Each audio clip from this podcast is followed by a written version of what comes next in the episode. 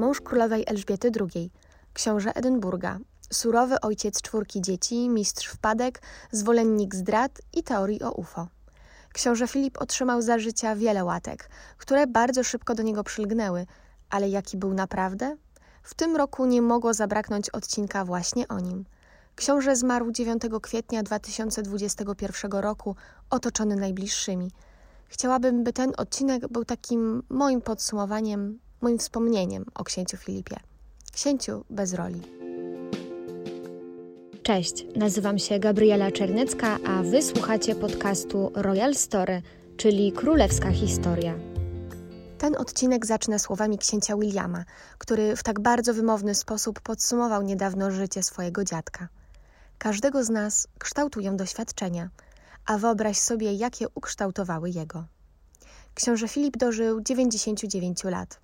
O każdym etapie jego życia lub o każdej jego roli, którą wypełniał, można byłoby nakręcić nowy odcinek i być może tak też się stanie, ale tym razem skupmy się na najważniejszych informacjach.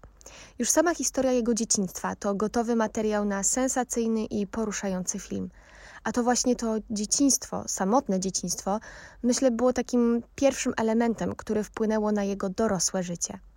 Filip urodził się jako jedyny syn z piątki dzieci ostatniego króla Grecji, księcia Andrzeja oraz księżnej Alicji Battenberg.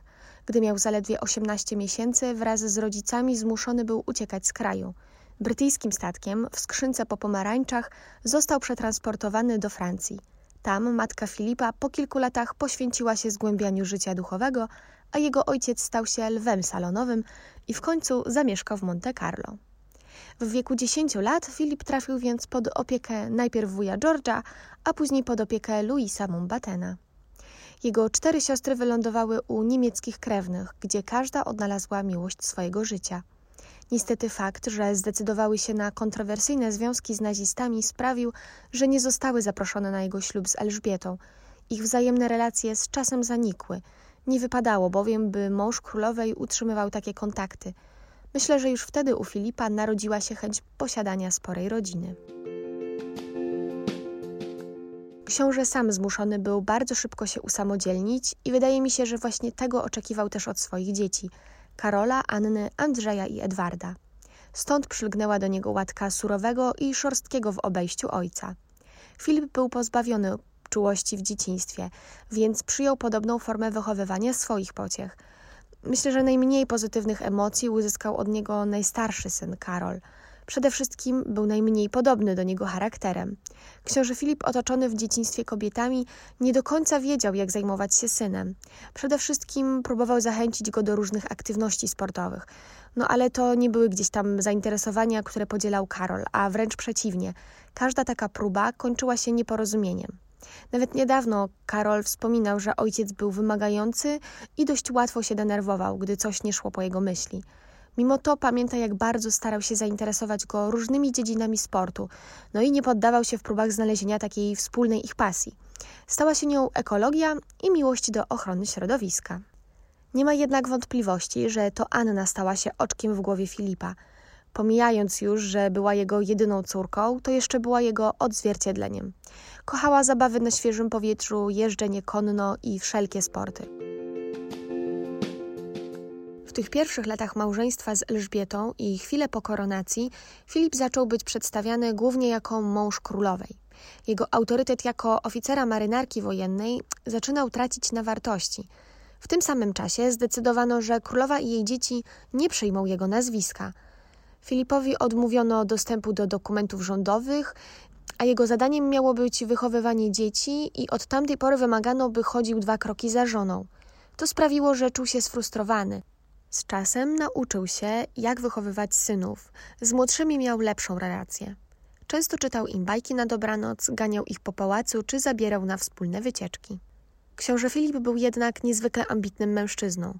Nie chciał, by jego rola skończyła się na wychowywaniu dzieci i chodzeniu dwa kroki za żoną. Nie chciał być tylko jej mężem. Według wielu biografów para królewska dokonała takiego podziału. Filip miał władzę w domu, monarchini w kraju. Nie sposób nie wspomnieć o anegdocie związanej z tym podziałem władzy. Kiedyś para jechała samochodem wraz z dziećmi i jedno z nich zapytało mamę, dlaczego nie powie ojcu, by trochę zwolnił. Wówczas królowa odparła, że gdyby to zrobiła, prawdopodobnie Filip zatrzymałby się, a ona musiałaby wracać do posiadłości na piechotę. Jak widać, monarchini oddawała mu tutaj pełną władzę.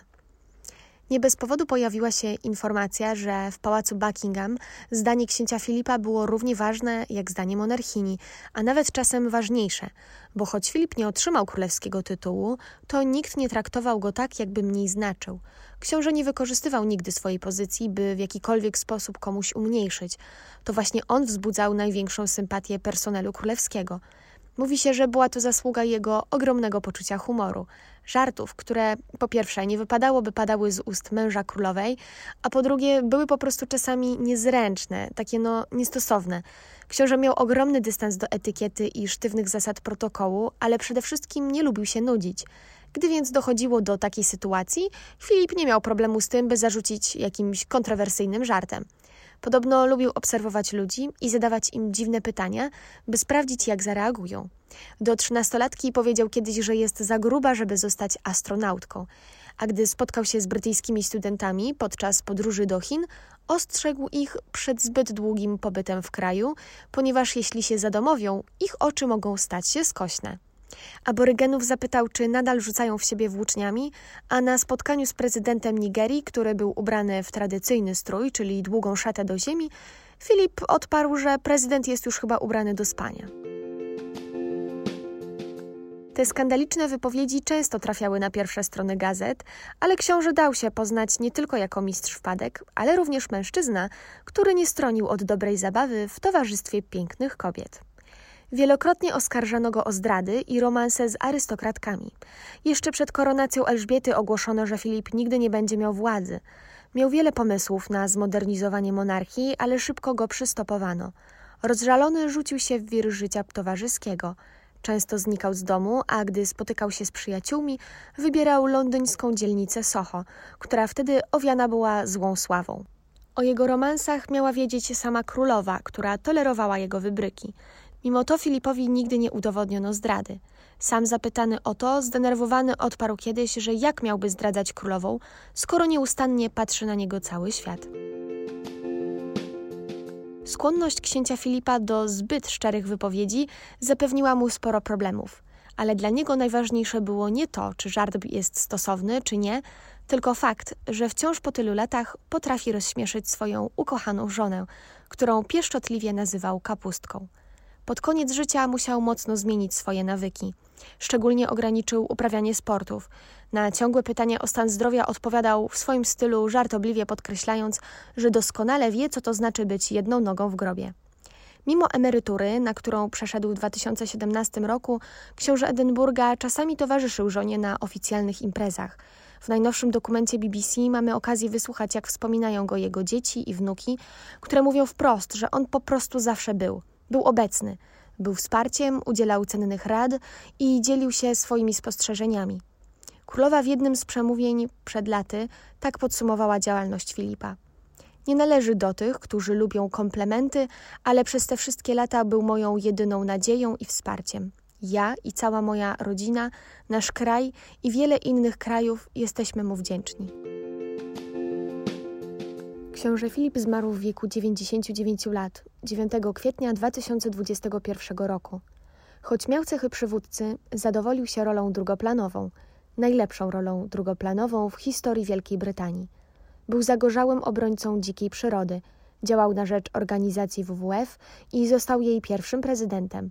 To on wprowadził telewizję za mury pałacu i zapewnił monarchii popularność w mediach – 1956 roku założył fundację Duke of Edinburgh, która zrzeszyła prawie 7 milionów młodych osób.